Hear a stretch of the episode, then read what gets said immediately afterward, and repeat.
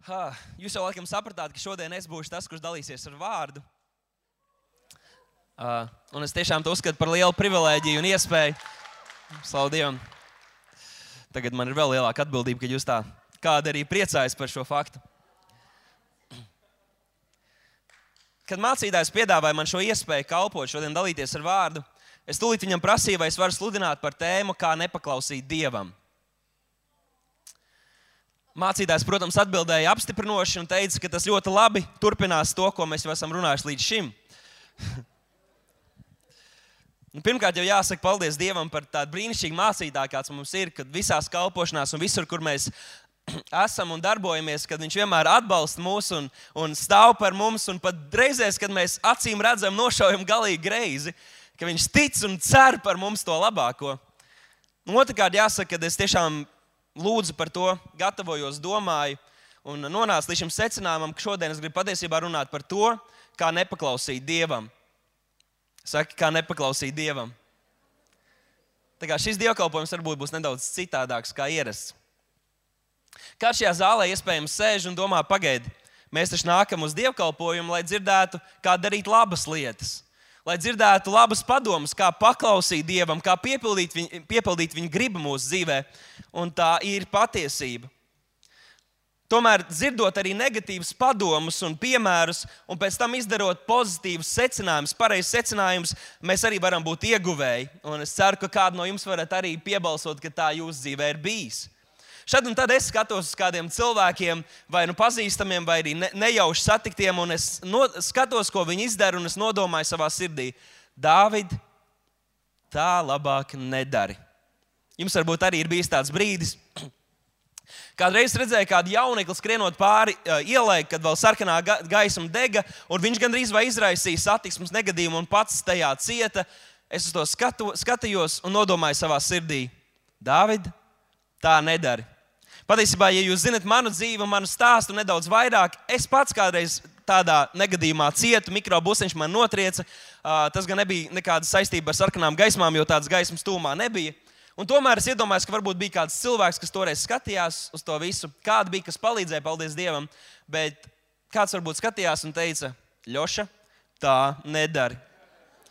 Es kādreiz skatos uz kādiem veiksmīgiem cilvēkiem mums līdzās, un varbūt ir kāds vīrs, kurš un ģimene, kas izstāsta paraugu ģimeni, un liktos, nu, tā ir tā, ka, kādu jebkura ģimene gribētu būt tādā pozīcijā. Un tad vīrs pēkšņi pamet savu ģimeni un, un pamet savus bērnus bez tēva. Un Tu skaties uz to, tu redzi to, neko daudz jau tu nevari darīt, bet savā sirdī tu nodomā, Dāvid, tā nedara. Es esmu uzmanīgs. Un, un kā, paldies Dievam, ka mūsu draugiem mēs tagad ceļam šos laulāto kursus un īpaši gribam strādāt pie šīm attiecībām, jo Vēlns ļoti šajā, šajās pēdējās dienās mērķiecīgi vēršas pret ģimenēm. Un tā es skatos uz to un saku, Dāvid, tā nedara. Es esmu uzmanīgs. Ja kādreiz dzirdu kādu negatīvu runājumu par savu draugu vai par savu mācītāju, Es tūlīt, te, tūlīt pat tajā brīdī viņam saku, paklausies, es netaisos te sēdēt un klausīties, kā tu aprunā un kritizē Dieva iecēlas autoritātes tavā dzīvē. Un tad, ejot prom, es savā sirdī nodomāju, jūs varbūt tagad jau varat uzmanēt, Dāvid, tā nedara. Tātad citi kļūdās, no viņu kļūdām mēs arī varam mācīties. Tāpat mēs arī paši pieļaujam kļūdas, un vislabāk ir mācīties arī no savām kļūdām, ne tikai citiem ļaut to darīt. Tomēr es gribētu uzdot jums jautājumu šodien. Cik daudziem no jums ir kādreiz izdevies nepaklausīt Dievam savas dzīves laikā? Kaut vienu reizi, lūdzu, lūdzu pasiet savu roku. Nē, esam kautrīgi. Mēs visi. Rokas, pagaidiet, vēlreiz, lūdzu, lūdzu, neredzēju. Pats. Rezultāts ir diezgan vienprātīgs. Mēs esam vienoti draugi, halleluja, mēs esam vienoti draugi, mēs esam vien, vienprātībā. Labi, tad es paprasīšu nedaudz vairāk. Cik daudziem no mums to ir izdevies izdarīt vairāk kā vienu reizi savā dzīvēm? Tā kautrīgi. Bet jā, mēs skatāmies, kad es mācītājiem atklāju šo tēmu, viņš tūlīt, tūlīt man piemeta, ka to jau mēs visi protam. Mēs visi protam nepaklausīt Dievam. Un tā ir patiesība. Mēs tikko arī tajā atzināmies, norādot to, ka mēs to esam diezgan prasmīgi darījuši. Un droši vien, ja es kādiem jautātu, kas pēdējās stundas laikā, kuriem ir izdevies nepaklausīt Dievam, iespējams, ka pozitīvi atbildētu vairāk nekā tie, kas teikt, ka ir paklausījuši visā. Nu šeit uz platformas jūs varat redzēt vienu lielu piemēru, jo braucot šeit uz, uh, uz, uz dievkalpojumu, uz draugu, es biju par visu padomājis. Un man pat bija personīgā stilista, man mīļā sieviete, kas man ieteica šo brīnišķīgo tērpu, kurās var šodien būt ģērbies. Bet, steidzoties uz draugu, es aizmirsu vienu. Es aizmirsu apausu. Un es zinu, ka pilnīgā dieva griba bija, lai es šodien šeit kalpojot, būtu pienācīgi ģērbies ar pienācīgiem apaviem. Un es pilnībā sapratīšu, ja būs kāda no jums, kas visu šo īso laiku, kamēr mēs runāsim, visu laiku tikai domāsit uz šo briesmīgo komplektu. it kā fermeris, it kā arī ietērps kā kalpotājs, kas viņš īsti ir. Sauciet uz Dievu, viņš jums atbildēs. Bet acīm redzot, es palaidu garām tajā steigā, varbūt nelielā satraukumā. Es palaidu garām svētā gara pamudinājumu, jo viņš būtu parūpējies par mani. Viņš atgādināja man, ka man vajadzēja paņemt apavu kasti. Bet es to palaidu garām. Varbūt arī jums tā kādreiz gadījies. Tā kā nepaklausībā mums visiem ir liela pieredze, un tomēr brīžiem mums trūks zināšanas. Redziet, mēs nepaklausām, lai gan zinām, kā rīkoties būtu pareizi. Mēs turpinām nepaklausīt, jo mēs neesam identificējuši kļūdainus ceļus, kādos mēs rīkojamies, un mēs apzināti nevaram pieņemt lēmumu tādus vairs nespērt. Un varbūt, ka rīkoties pareizi mums kādreiz traucē tas, ka mēs neizprotam tieši, ko mēs darām, kad mēs rīkojamies nepareizi, kad mēs nepaklausām. Jāsaka, vēlreiz jāapstiprina savu, savu kvalifikāciju par šo runāt. Kādā savas dzīves sezonā, un lai gan mēs vēl aizvien kļūdāmies, man bija tāda sezona manā dzīvē, kad es biju diezgan profesionāls šajā sfērā. Jūs varat būt pārliecināti, ka arī es esmu ar ļoti lielu bagāžu pieredzi tajā, kā nepaklausīt Dievam, un jūs varat uzklausīt manas vārdus šodien. Protams, ir daudz soļu un veidi, kā mēs varam nepaklausīt Dievam, un es minēšu tikai dažus. Pirmkārt, tu vari darīt to, ko Dievs ir aizliedzis. Nu, šos pierakstiet tie, kas vēlaties, vai arī vienkārši viss pierakstīsim, lai tie nejūtas nērti, kuri to vēlas. Dari to, ko Dievs ir aizliedzis darīt. Nedari to, ko Dievs ir pavēlējis darīt. Pievieno kaut ko Dieva vārdam, atņem kaut ko Dieva vārdam, aizvieto Dieva vārdu ar kaut ko, ar kādām pasakām, ar mistiku, ar visādiem stāstiem, visādām muļķībām ar jā, iepriekšēju pieredzi, aizvietot to. Es varu salīdzināt to, kā varbūt vecāku attiecības ar bērniem. Mēs varam ļoti līdzīgi redzēt, kā bērni nepaklausa vecākiem, kā mēs nepaklausām dievam. Piemēram, vecāki saka, nē, saldumus. Tad tikko vecāki aiziet, daudzi bērni, ja neuzdrīkst aiziet līdz saldumiem, tad vismaz savā sirdī noteikti tos iekāro. Ja uh, varbūt kādi nedara to, ko Dievs ir pavēlējis darīt. Piemēram, vecākā arī saka saviem bērniem, izēd visu šķīvi. Viņi apēd tikai kartupeļus un kečupu, bet salāti paliek. Kādreiz pat par spīti tev kā gribās ēst, bet tāpēc, ka mamma teica, ka, lai tu izēd visu, tev vienkārši kaut kas jāatstāj uz šķīvi. Vai kādreiz arī mēs tā uzvedamies kā kristieši, kad Dievs saka, saņem visu, ko es tev esmu dāvājis, un mēs vienkārši uz, uzvedamies tā kā stūrgalvīgi bērniņi. Mēs atņemam kaut ko Dieva vārdam, mēs, sakam, saka, uh, mēs iedomājamies, ka vecāki būtu teikuši, nē, garšīgos saldumus. Nē, saldumus, Nā, ne, mēs pievienojam kaut ko Dieva vārdam, mēs sakām, ka nē, garšīgos saldumus. Vai mēs vēl redzam, atņem kaut ko Dieva vārdam, tad var, mēs varētu iedomāties, ka kāds saka, uh, nu jā, un aizvieto Dieva vārdu. Mēs varam teikt, kāds, kāds bērns var iedomāties savā sirdī, ka viņš saka, ja tavā sirdī ir vēlme, tad tā ir Dieva pilnīgā griba un vecāka pilnīgā griba, lai tu to ēd un lai tas ir tavs. Un, protams, šodien nevar iedot visus šos soļus un veidus, Tad mums būs jātaisa otra, otrais dievkalpojums ar tādu tēmu, un, un tā mācība ļoti visaptvaroša un, un bagātīga. Bet šos fundamentālākos tieši draudzes un dievkalpojumu kontekstā šodien gribētu dot, un tas jau ir tas, kur mēs varam sākt. Pirmais kaut kāds paklausības solis, kas mums pēc tam mums var palīdzēt visu cauri mūsu nedēļā un, un dzīvē. Un pirmais, pirmais ieteikums, vai, vai tas, ko es varu var, var ieteikt, ja mēs tiešām negribam paklausīt Dievam, ja tu tiešām negribi paklausīt Dievam, tad neesi vietā, kur māca patiesību. Nē, es vietā, kur mācās patiesību, jo liela daļa svētības cilvēku dzīvēs izriet no tā, ka mēs īstajā laikā esam īstajā vietā. Pasaki, īstajā laikā, īstajā vietā. Nu, atceramies mazo puisīti, kam bija divas zivis un piecas maizes. Varbūt, ka tajā pūlī bija vēl kādi puisīši vai pat pieaugušie, kuriem bija kaut kāds ēdamais. Tomēr tas puisītis bija īstajā brīdī, īstajā vietā, un tamdēļ viņš piedzīvoja to, kā caur viņa mazumiņu Dievs izdarīja lielumiņu, izdarīja brīnumu, un vēl pēc tam viņš saņēma šos 12 grozus ar pāri palikušo, jo šis mazais puika bija īstajā vietā un īstajā laikā. Es iedomājos, ka varbūt tajā pūlī, kuras viņi paēdināja, tur bija vismaz 5000 vīru, plus sievas un bērni.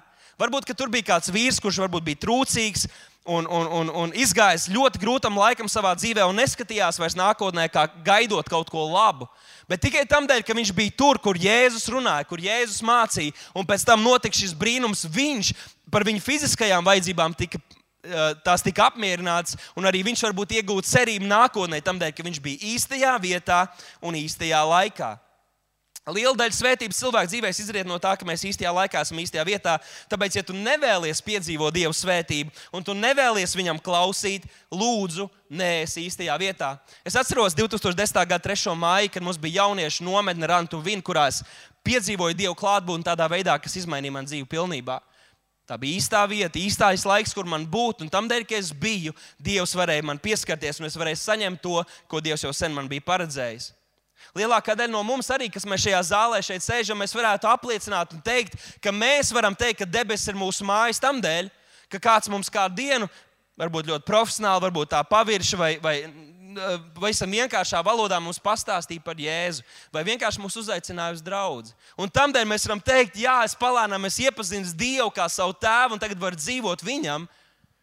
Un no tā mēs varam mācīties, ka, ja mēs nevēlamies, lai mūsu draugi iepazīst Dievu, lai piedzīvo šīs svētības, arī mūsu ģimene, tad lūdzu, lūdzu, lūdzu pasargāt viņus no draudzes, pasargāsim viņu no vietas, kur viņi var piedzīvot Dievu, parūpēsimies par savu ģimeni, ja mēs tiešām negribam, lai viņi piedzīvo to, ko esam piedzīvojuši mēs. Vasaras svētku dienā tie, kas bija sapulcējušies šajā augststabā, viņi tika piepildīti ar svēto garu.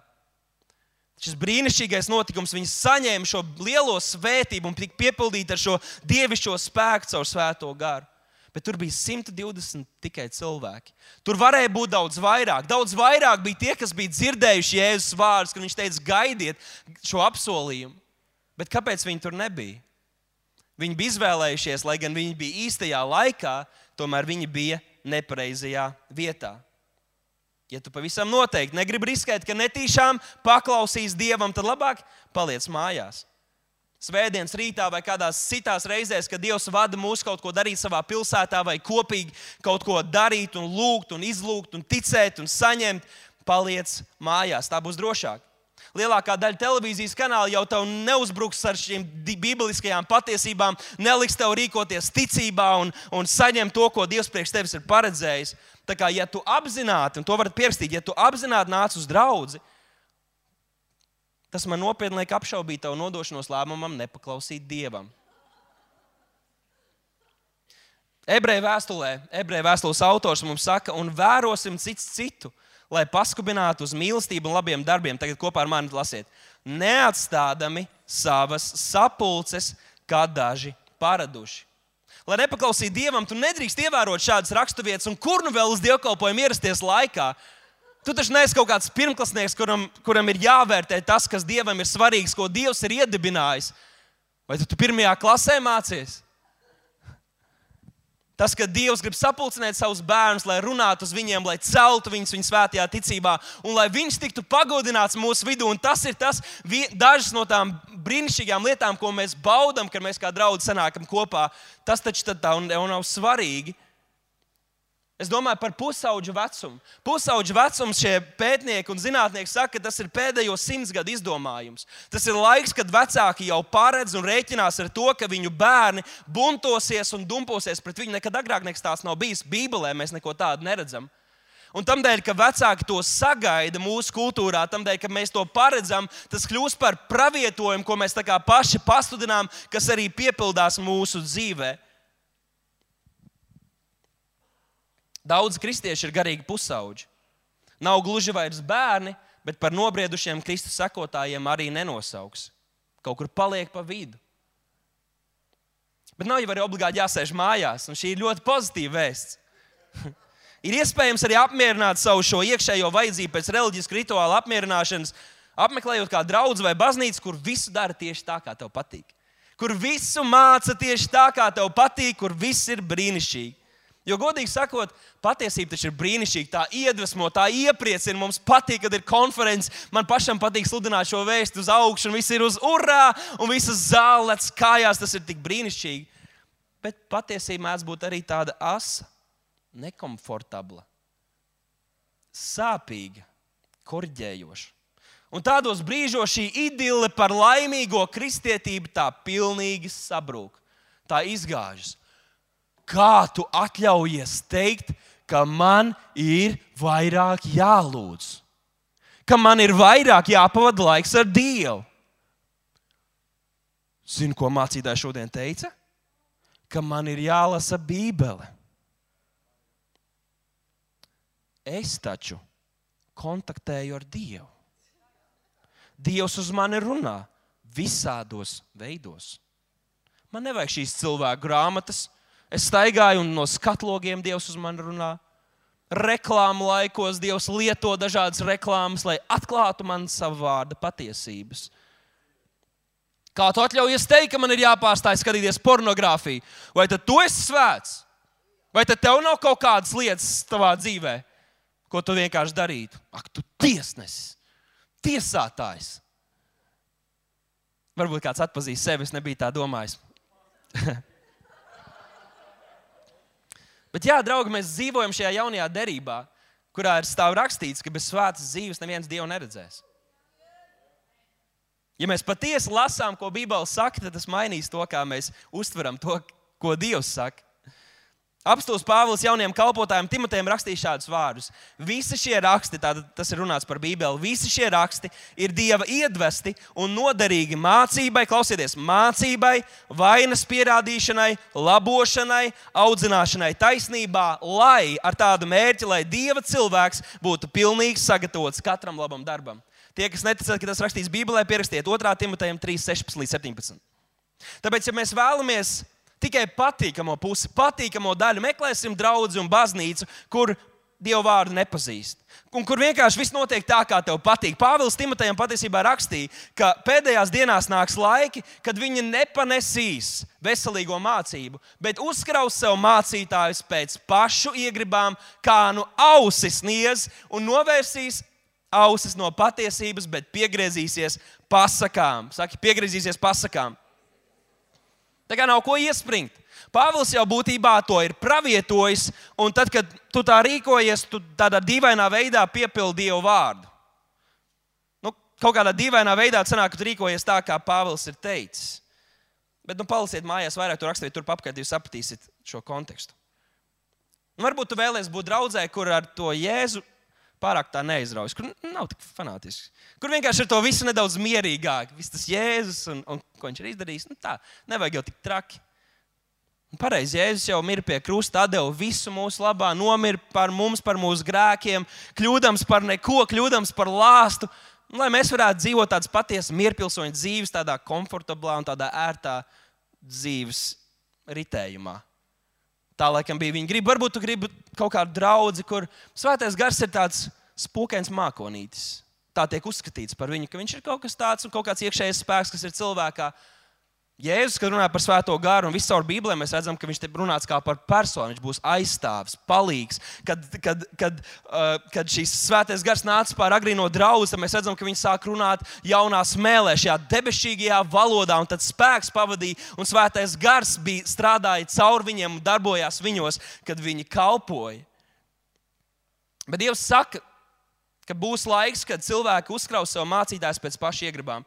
Kas sludinās tā, ka klausītājiem, kā sunīšiem, kad kasē zausiņiem pakaļējā, kāja kratīsies un viņiem vienkārši izdvesīs patīkamas skaņas. Nu, lūk, piecas ausis niezošas mācītāja īpašības. Vienkārši uz brīdi varam pie, paskatīties. Viens ir tas, ka viņi atmet pašaizliedzību un krustu. Viņi viegli izturas pret grēku, viņi ir pasaules mīlēti, viņi miesai saka to, ko, vēlas, ko tā vēlas dzirdēt, un viņi atstāja patiesību un pieķers mītiem. Ja tu gribi dzirdēt šādu vēstu, ja tu gribi dzirdēt kaut ko tādu sludinām, tad šī laikam nav īstā draudzene tev. Jo mēs vienmēr esam bijuši par, par pašaizliedzīgu kalpošanu. Mēs vienmēr jau no mūsu draudzes iesākumiem esam katrs pielikuši roku pie Dieva darba, jo tas jau ir tas mūsu redzējums. Redzēt, kā mūsu pilsēta, kā mūsu līdzcilvēki tiek piedzīvo Jēzu, viņam darbojamies caur katru no mums, mēs zinām, ka viņš grib un viņš var un viņš dara to caur mums. Un tāpēc es, es domāju, ka mēs esam viena no vadošajām draudzēm pasaulē, kur procentuāli draudzes locekļi ir iesaistīti dažādās kalpošanās draudzē vai ārpus tās. Tā daudz tās lietas, runājot par izturē, vieglu izturēšanos pret grēku. Jā, mūsu mācītājs un kalpotāji nav aicināti bakstīt ar pirkstiem visiem, bet mēs vienmēr esam par svētu dzīvi un dievbijīgu dzīvošanu, un tas būs viss caur mūsu vēstī un tam, ko mēs kā draugi darām. Mēs varam skatīties uz pasaules mīlētu. Nu, mūsu draudzene, mēs nevaram teikt, ka pasaule mūs ļoti mīl. Ja mēs paskatāmies vai internetu vidē, vai visapkārt, jā, Dievs mums dod ietekmi un to vairos Jēzus vārdā. Bet Tie, kas mums aplaudē, pārsvarā ir debesis, un varbūt kādi kristieši, kur nebaidās no mums un nebaidās no tā, ko Dievs dara caur mums. Miesai saka to, ko tā vēlas dzirdēt. Es zinu, ka mūsu draudzē mēs necenšamies izpatikt miesai, bet mēs izpatīkam Jēzu. Mēs skatāmies, ko Dievs ir devis, darījis un ko Jēzus mums ir sagādājis, un to mēs sludinām. Un, un vēsts, kuru mēs dzirdam un sludinām, vienmēr ir balstīta un atspēkota rakstos. Tā kā, ja tu gribi, lai tev austiņu pakas, šī nav tā draudzene. Mēs uzticamies Dieva vārdam, mēs dzīvojam pēc tā, ko Dieva vārds saka, un mēs redzam, kā Dieva vārds piepildās. Amen? Tāpēc pirmais solis, lai tu nepaklausītu Dievam, ir neesi vietā, kurā māca patiesību. Numur divi. Nepievērs uzmanību tam, kas tiek mācīts. Un šis ir diezgan sarežģīti. Es pats uzaugu draudzē, un kādreiz tev vienkārši paņem to uzmanību, un tu nevari nekam citam to novērst. Bet, ja gadījumā tu atrodies īstajā vietā, nu, varbūt tavs sieva piespiež tevi, vai varbūt vecāki saviem bērniem apsola kaut ko pēc tam uzdāvināt, un tu esi šeit. Un ir arī vienkārši cilvēki, kur nāk uz draugu tam dēļ, ka pēc tam viņi labāk jūtas. Un to var saprast, tāpēc, ka tu piedzīvo kaut kādu mieru un kaut kādu dievu klātbūtni, tad to pazaudē, un tad tu nākamreiz atkal gribi atnākt un uzpildīties ar to. Bet tas nav viss, ko Dievs priekš mums ir paredzējis. Bet, ja tu gribi nepaklausīt Dievam, tad sēžot šajā zālē, nepievērs uzmanību tam, ko Dievs runā. Nepievērs tam uzmanību. Ja tu tiešām gribi nepaklausīt Dievam, Jo, ja tu to neesi dzirdējis, tev tas nav jādara. Pareizi. Tu to neesi dzirdējis, un Dievs kādu dienu varbūt te teiks, atceries toreiz tajā dievkalpojumā, kad es runāju uz tevi, un tu pat biji ieradies. Ko tu esi darījis ar to vārdu? Teiks, Dievs, tu runā kaut ko? Es laikam nedzirdēju. Tev vajadzēja vairāk pievērst man uzmanību. Vai mēs tā teiksim? Tagad daži ieteikumi vienkārši, kam mēs varam pievērst uzmanību, lai mums nenāktos pievērst uzmanību Dieva vārdam. Multitasking, pasakiet, multitasking. Nu, beidziet, mēs esam sajūsmināti. Multitasking. Jā, man nav tie punkti. Multitasking, sakiet, multitasking. Super. Tāpēc es domāju, tā, varbūt ir kādi cilvēki, kuri domā, kāpēc lai šo laiku neizmantotu maksimāli efektīvi. Pareizi.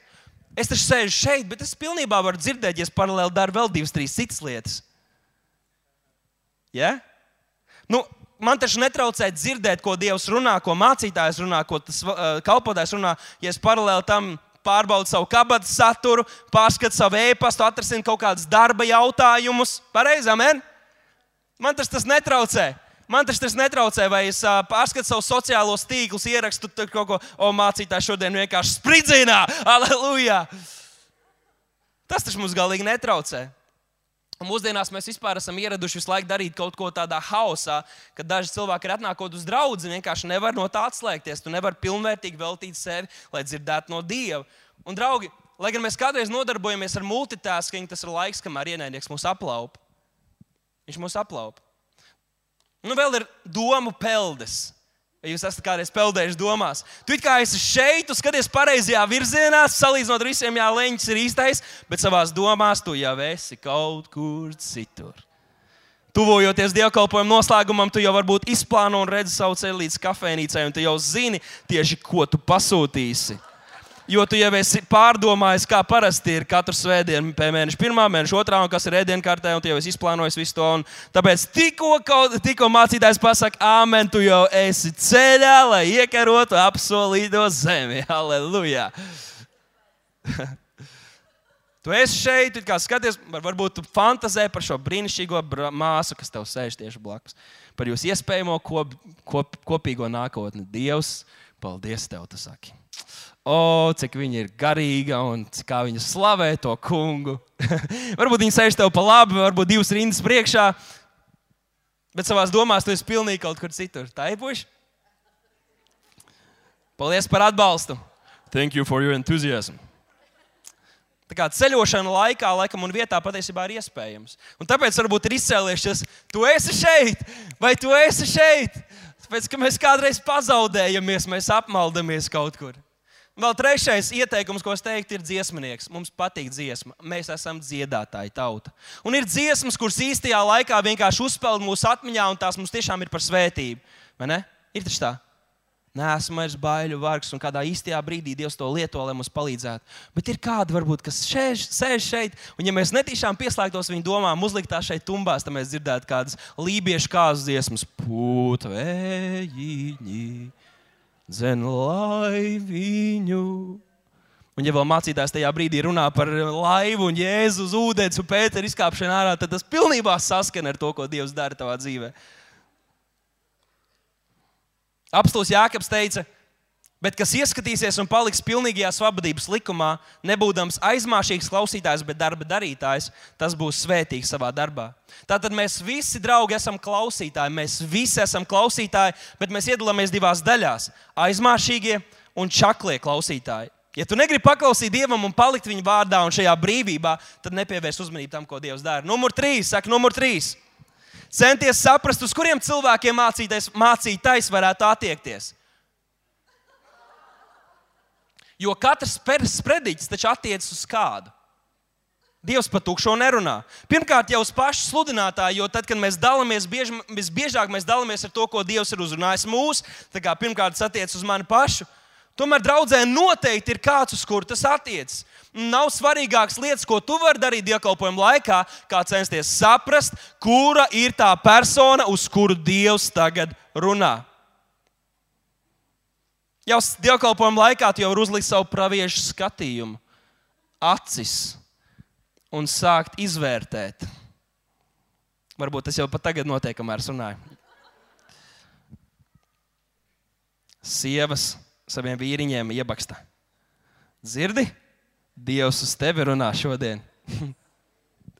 Kādi jaunieši varbūt, kas ir kaut ko sadarījuši kopā vai, vai zina kaut ko vairāk viens par otru dzīvēm, tad ev, tas ir uz tevi. Varbūt par pāri zālē, tad varbūt tie, kas pretī viens otram sēž vislabāk, var jūs tur varat tā.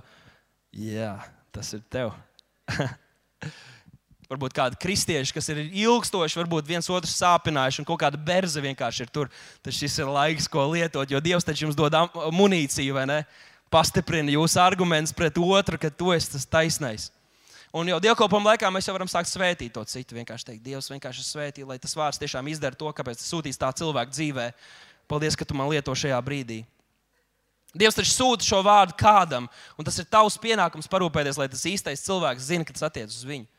To var darīt arī pēc dievkalpojuma kafejnīcā. Tā, ej, čau! Tad dzirdēji, ko mācītājs teica? Aleluja! Tas par to celšanos no tā dīvāna, tas bija tieši uz tevis. Vienkārši sajūtu apstiprinājumu savā sirdī. Pieņem to vienkārši. Nav brīnums, ka kādi pēc dievkalpojuma jūtas kā padarījuši smagu darbu. Visi dievkalpojumi strādājuši. Nezinu, vai tas ir tas, ko Pāvils domāja, kad viņš teica, Kristus vārds, lai bagātīgi mājo jūsos, pamājiet un paskubiniet citu, citu visā gudrībā ar psalmiem, himnām un garīgām dziesmām. Žēlastībā dziedādam savā sirdīs dievam. Putvējiņi.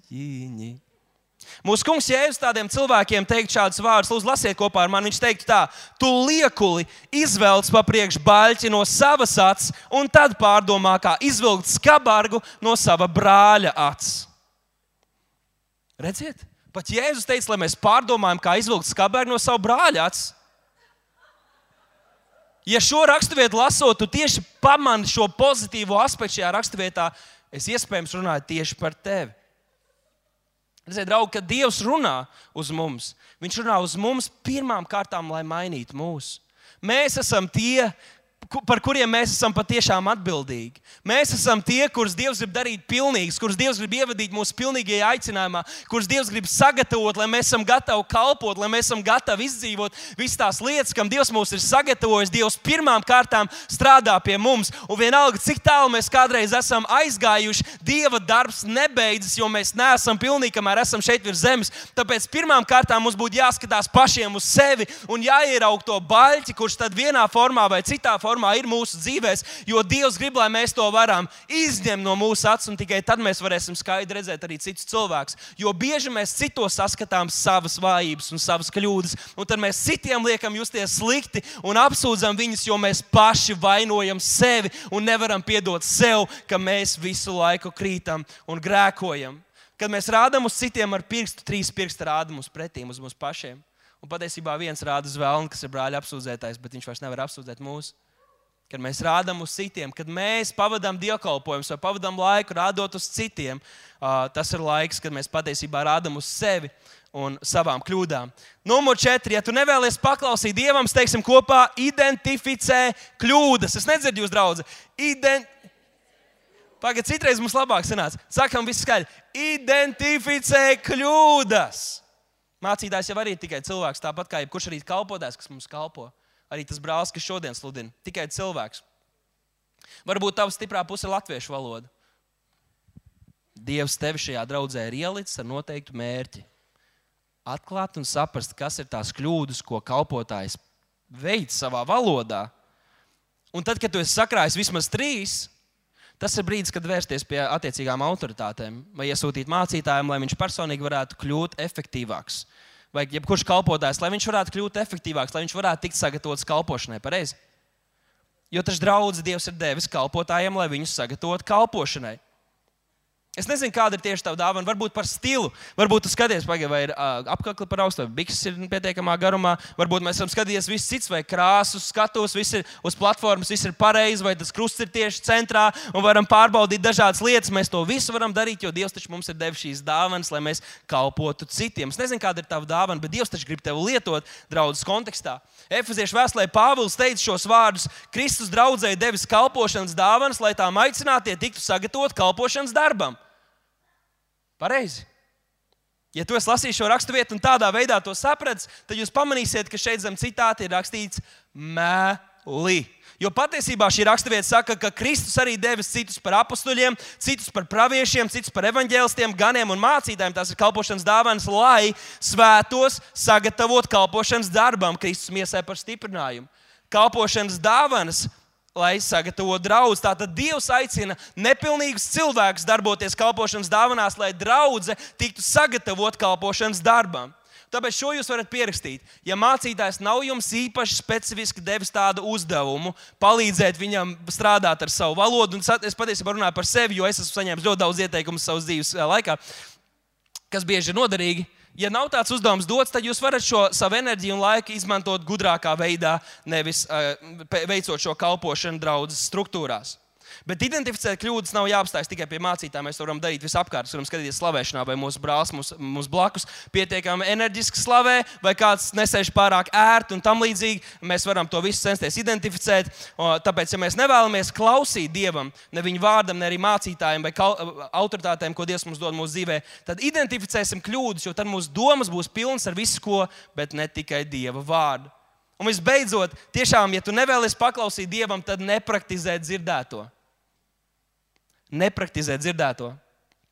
Tas nozīmē, pat ja tu biji īstajā laikā, īstajā vietā, tev neizdevās novirzīt savu uzmanību, ne, neizdevās izdarīt nevienu citu lietu, kas liktu tev justies labāk, un Dieva vārds tomēr uzrunāja tevi savā sirdī, tad pēdējais, ko tu vari darīt, ir neprecizēt to, jo tev būtībā nav arī citu izvēļu. Nav jau daudz variantu. Kā lai citādi viens kristietis dzīvo miermīlīgu, mierpilnu dzīvi? Tu varbūt vari izrādīt sajūsmu par Dieva vārdu un pat iznākt priekšā uz aizlūgšanu, bet neuzdrīksties neko mainīt savā dzīvē, jo tad tu būsi tas, kā tautā tos dēvē, vārda darītājs. Vai tad mēs nevaram izdomāt kaut ko citu, ko darīt, kā paklausīt Dievam? Ja es reiz stāstīju kādu līdzību par tēvu, kuram bija vīnedārs un divi dēli. Viņš abus šos dēlus izsūtīja vīndārzā strādāt. Viens dēls ar prieku uzņēma šos vārdus, teica, Jā, tēvs, es to gribu, es to darīšu. Bet viņš negāja un nedarīja to.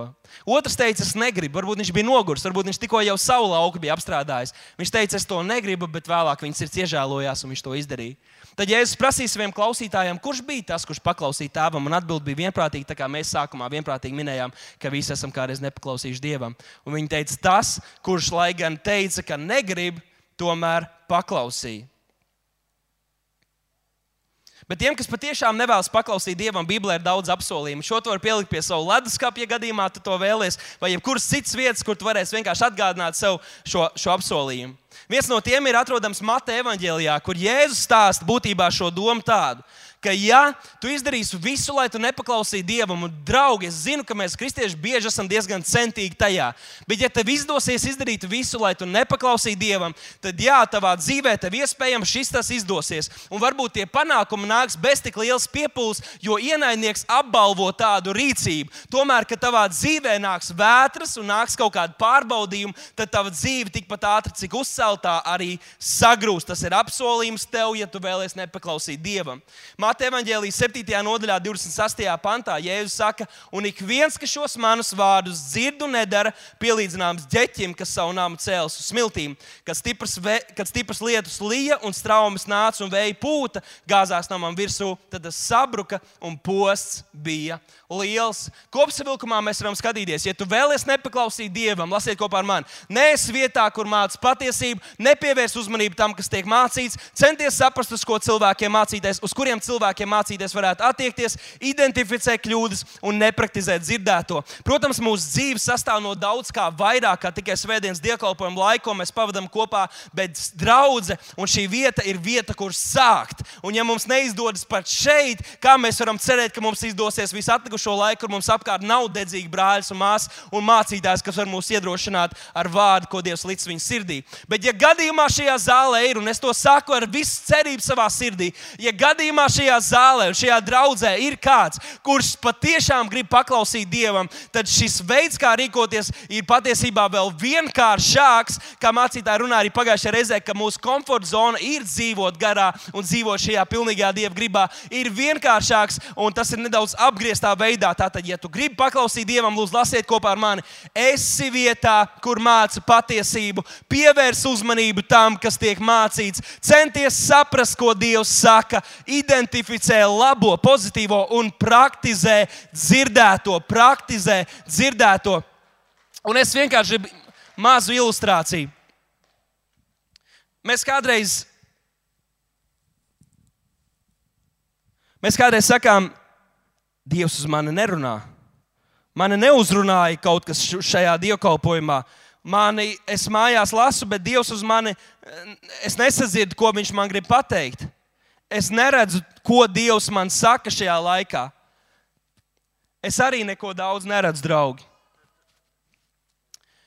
Draugi, mēs garīgas patiesības varam redzēt arī fiziskajā attēlā. Es varu teikt, es galīgi neredzu, ko, ko Dievs man grib pateikt, bet manas acis ir aizvērtas Dieva vārdam, manas acis ir aizvērtas Dieva patiesībai. Es varētu iet vēl tālāk. Cilvēki, kristieši, staigā, staigā mums apkārt un saka, Dievvvārds laikam nedarbojas. Es patiesībā pat nezinu, ko Dievvvārds saka. Un es kā gribētu, bet Dievs uz mani nerunā. Bet mūsu ausis ir aizvērts, mūsu acis ir aizvērts. Un mēs varam vainot Dievu un teikt, Dievs, lūdzu, runā uz mani, lūdzu, runā uz mani, lūdzu, palīdzi man. Bet Dievs visu laiku ir ieinteresēts, Dievs darbojas mūsu dzīvē. Mēs zinām, ka Svētais Gars visu laiku ir ar mums. Viņš ir mūsu padomdevējs un mūsu palīgs. Bet tam dēļ, ka mūsu acis ir aizvērts un mūsu ausis nav dzirdīgas un mūsu sirdis ir noslēgts un cietas, lai gan Dievs runā un grib būt iesaistīts mūsu dzīvēm, mēs paši viņam to neļaujam. Mēs paši viņam to neļaujam. Un es vienkārši varu iedomāties, ka varbūt šajā, šajā dievkalpojumā kāds klausījās, kā, nu, kas tas ir. Bet mēs bieži, un varbūt tavi, uz tevi attiecas kādi citi punkti, varbūt uz tevi runāt kaut kas vēl detalizētāk un smalkāk. Bet mēs paši bieži esam tie, kas aizveram savas garīgās acis un savas garīgās ausis. Un pat tad, kad Dievs grib runāt uz mums, mēs neesam dzirdīgi. Pat tad, kad Viņš mūs pravieto, kad Viņš runā mūsu dzīvēm, ja es teicu, kam ir ausis, tas lai dzird, jo mums bieži ir ausis, bet ausis ir uz, uz ausīm ir dažādas klapes un lietas, kas mums traucē sadzirdēt no Dieva. Un tas ir tas, ko Dievs jau ilgstoši runā uz mums, ka ir laiks celties, ir laiks celties. Un nezinu, kādā mūsu dzīves sfērā tieši uh, ir, ir tas, ka mums ir šīs klapes uz mūsu ausīm un acīm, bet Dievs uz mums runā, kad ir laiks celties, ir laiks noņemt šīs ausis, ir laiks noņemt šīs acenes un redzēt patiesību un redzēt pasauli un savu dzīvi, kā Dievs to redz. Un šodien es vienkārši gribētu aicināt, ka šajā laikā, kad mēs vēl ar slavētājiem brīdi varētu pielūgt un atsaukties viņam, ka mēs katrs varētu izvēlēties. Jau vecajā, redzībā, vecajā derībā mēs redzējām, ka Dievs teica, es tavā priekšā lieku dzīvību un nāvi, tad nu, izvēlies dzīvību. Mēs bieži koncentrējamies tikai uz pozitīvo, uz to, kas mums ir jādara, un tas ir brīnišķīgi. Bet tagad es jums varu teikt pavisam godīgi no savas puses, un kā Dievs man ir uzrunājis, es esmu jūs priekšā nolicis arī otru ceļu. Jums tas tagad ir skaidrs, zināms, vismaz tās sākums. Un šodien Dievs, es ticu, ka varbūt uzrunā arī tevi savā sirdī. Vienalga tieši cik kādā specifiskā sfērā viņš saka, es esmu nolicis tavā priekšā paklausības ceļu, par ko mēs daudz esam mācījušies, un nolicis nepaklausības ceļu. Viņš saka, izvēlies paklausības ceļu. Izvēlies paklausības ceļu. Jo es, gan, es biju domājis, ka varbūt es šo uzliktu sev uz acīm, tad tā speciāli pakristu, bet es negribēju, lai jums pēc tam ir visiem jālūdz par mani, lai uzceltu mani no miroņiem. Tā būtu brīnišķīga ilustrācija, bet, kad es aizvēru tās acis un aizvēru tās ausis, man bija ļoti grūti redzēt. Es vienkārši zināju, ka te nekā nav, bet, ja man būtu jāiet par jaunu teritoriju, par jaunu vietu, un Dievs atver mums jaunas durvis un ved mūs pa jauniem ceļiem, ja mūsu acis ir aizvērts un auss ir dzirdams, pat, pat tad, ja mēs gribam iet tur un esam uz pareizā ceļa, kur Dievs grib mūs aizvest, ja mēs nedzirdam svēto garu, mums nav Dieva vārda, atpazī, mēs neatpazīstam Dieva vārdu un Dieva garu vadību, mēs varam nonākt ļoti bīstamās vietās, jo šī pasaule ir mīnu lauks. Bet Dievs ir tas, kurš zina šīs pasaules kārtu un var izvadīt mūs pa patiesības ceļu. Ja mēs varētu, draugi, vienkārši piecelties un aicināt, ka, ka mūsu slavētāji varētu palīdzēt mums vēl slavēt. Un, un šis varētu būt laiks, kad vienkārši mēs katrs varētu personīgi savā sirdī. Un es tiešām negaidu, ka mēs būsim sajūsmināti, bet ja Dievs uzrunāja tevi šodien, ka tu varētu izdarīt lēmumu, teikt, Dievs, es zinu, kāds ir šis nepaklausības ceļš, un es to negribu iet, es to negribu iet, es to neizvēlos, es izvēlos paklausības ceļu, lai tev pilnīgā griba varētu notikt manā dzīvē. Jēzus vārdā. Amen. Pielūgsim. Aleluja. Visa sirds mana un dvēsele ir pilna tavas mīlestības. Visa sirds mana un dvēsele ir pilna tavas mīlestības droši eju no spēka uz spēku, droši eju no spēka uz spēku, droši eju no spēka uz spēku katru dienu.